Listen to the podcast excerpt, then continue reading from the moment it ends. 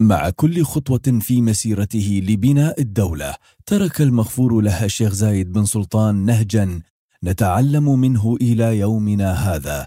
وبإيماننا في هذا النهج وصلنا العالمية. اليوم تحتفي دي بي وورلد بمسيرة تمتد لأكثر من خمسين سنة. شاركنا فيها في مسيرة بناء الإمارات مع الآباء المؤسسين. واليوم نتحدى المستحيل حتى نغير ما هو ممكن إلى ما هو أفضل. موانئ دبي العالمية. إرث إماراتي أصيل. Rising Giants Network.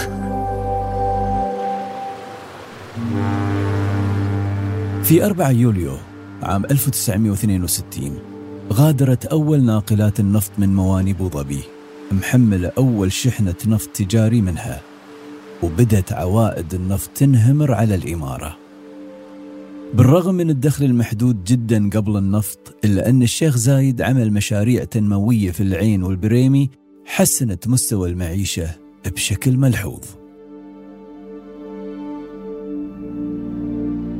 بدأ بوضع المشاريع التنموية حق تأمين المياه للمنازل والمزارع.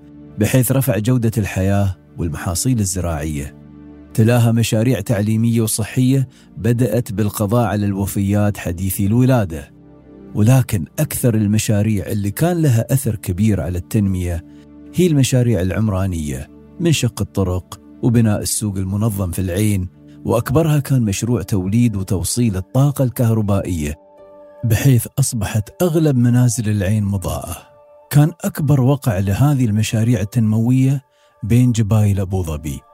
رفع مستوى المعيشة والرفاه بشكل ملحوظ بحيث ازدهرت الأسواق وساد جو عام من الرخاء والاستقرار.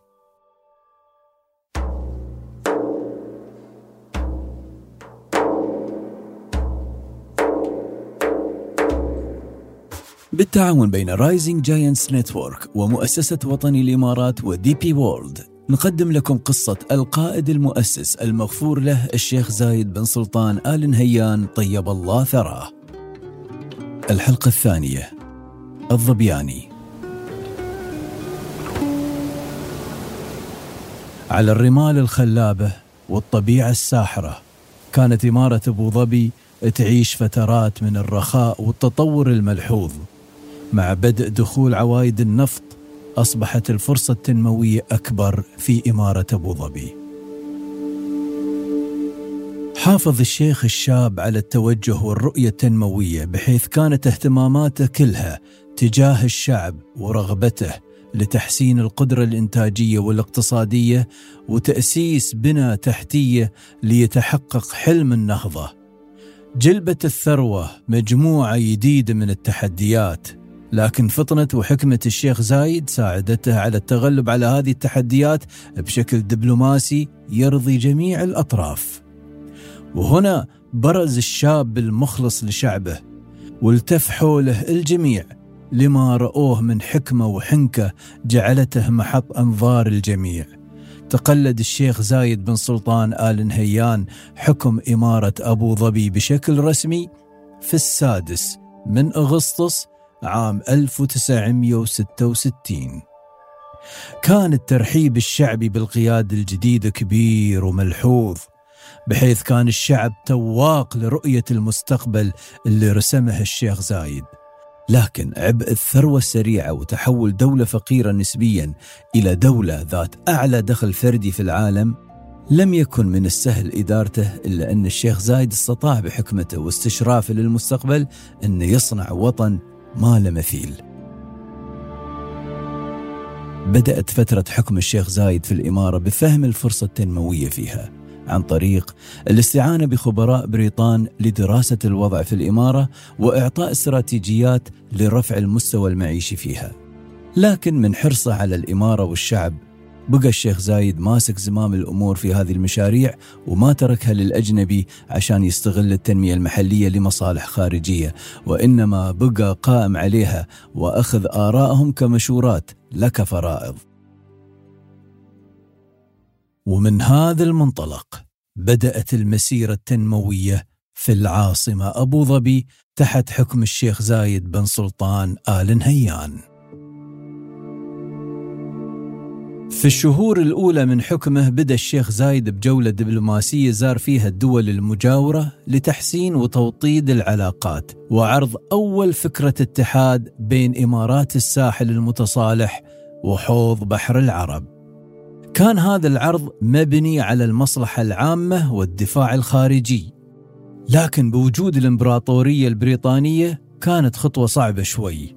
الأمر اللي أخر هذه الهمة العالية قليلاً. أما على الصعيد الداخلي ما كانت التنمية العمرانية هي الشاغل الوحيد للشيخ زايد ولكن أعار التنمية الحضرية أيضا اهتمام كبير من قناعة أن المدن هي سكانها وسهل عليه دخل النفط تطوير أسلوب الحياة.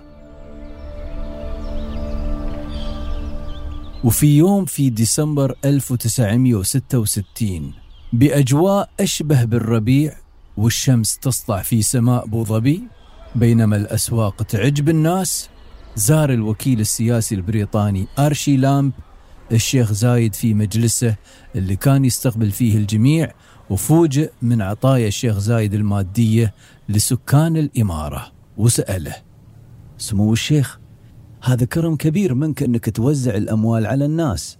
فرد عليه الشيخ زايد لا قيمة للمال إذا لم يسخر لخدمة الشعب. أنا أوكلت لي هذه السلطة حتى أحمي مصالح الشعب. وما يكون مني فايدة للشعب إذا عشت حق نفسي واستغليت هذه الموارد لمصالح شخصية. استعجب لامب من هذا الرد. وحاول أن يكمل الموضوع لكن الشيخ زايد قطع الطريق عليه وقال له هذه الثروة ملك للأمة كلها والحاكم هو مجرد حارس عليها يا سيد لامب. مع الوقت وتزايد دخل أبو ظبي تغيرت وتيرة التنمية وصار في توجهات لتوطيد العلاقات مع المشايخ المجاورة في إمارات الساحل المتصالح. كان الشيخ زايد يرعى مشكلات الإمارات الأخرى لكن مع الوقت وفي رمضان من عام 1967 اتضح للسيد لامب أنه بينما يحتفل ويتمتع الشعب بالأجواء الرمضانية الشيخ زايد كان يقضي وقته في العمل لساعات طويلة في الليل ويسافر حتى يلتقي مشايخ الإمارات الأخرى بدال استقبالهم في مجلسه. وهذا الشيء أثار فضول السيد لامب وخلاه يسأل الشيخ زايد عن السبب. شيخ زايد أنا أستغرب من أنك تقطع كل هذه المسافات عشان تجتمع في المشايخ في الصحراء وأنت مجلسك موجود ومفتوح. فرد الشيخ زايد بحكمة صدمت الوكيل السياسي. يا سيد لامب أنا برنامج عملي اليوم يشغلني من الثمان الصبح لين منتصف الليل وفي رمضان تعرف عادتي أني أشتغل من المغرب لين الفجر. يعني ما في وقت إذا قابلت المشايخ في أبو ظبي أني أعطيهم الوقت والانتباه الكافي عشان أفهم المشكلة وتفصيلاتها. لكن إذا أقابلهم في الصحراء يومين في جو أخوي أقدر أعطيهم كامل انتباهي. وعلى هذا الأساس أصبحت التنمية الداخلية تشمل مصالح الإمارات المجاورة. وخلال أول سنة من حكمه تحولت المشاريع التنموية من التركيز على المستوى المعيشي حتى أخذت منحى أكثر استراتيجية واستدامة. لكن كل هذا كان على وشك التغيير. بعد أكثر من 150 سنة من الحماية البريطانية لإمارات الساحل المتصالح أبدت الحكومة البريطانية نيتها بالانسحاب الكامل من مناطق شرق السويس ومنها أراضي الخليج العربي. بس ما كان هناك قرار نهائي في الموضوع حتى هذه اللحظة. وخلال هذه الفترة كثف الشيخ زايد لقاءاته مع مشايخ الساحل المتصالح وخبرهم عن مستقبل الإمارات بعد انسحاب الحكومة البريطانية إذا لم تجتمع جميع الإمارات على قلب واحد وسط أطماع كثيرة من الخارج. في عام 1968 في برد يناير وزحمة المواني اللي تصدر النفط حق العالم أعلنت الحكومة البريطانية بدء عمليات انسحابها الرسمي من أراضي الخليج العربي وشرق السويس واللي راح تنتهي قبل نهاية 1971 هذا البودكاست من إنتاج Rising Giants Network ومؤسسة وطني الإمارات و DP World تقديم محمد يوسف.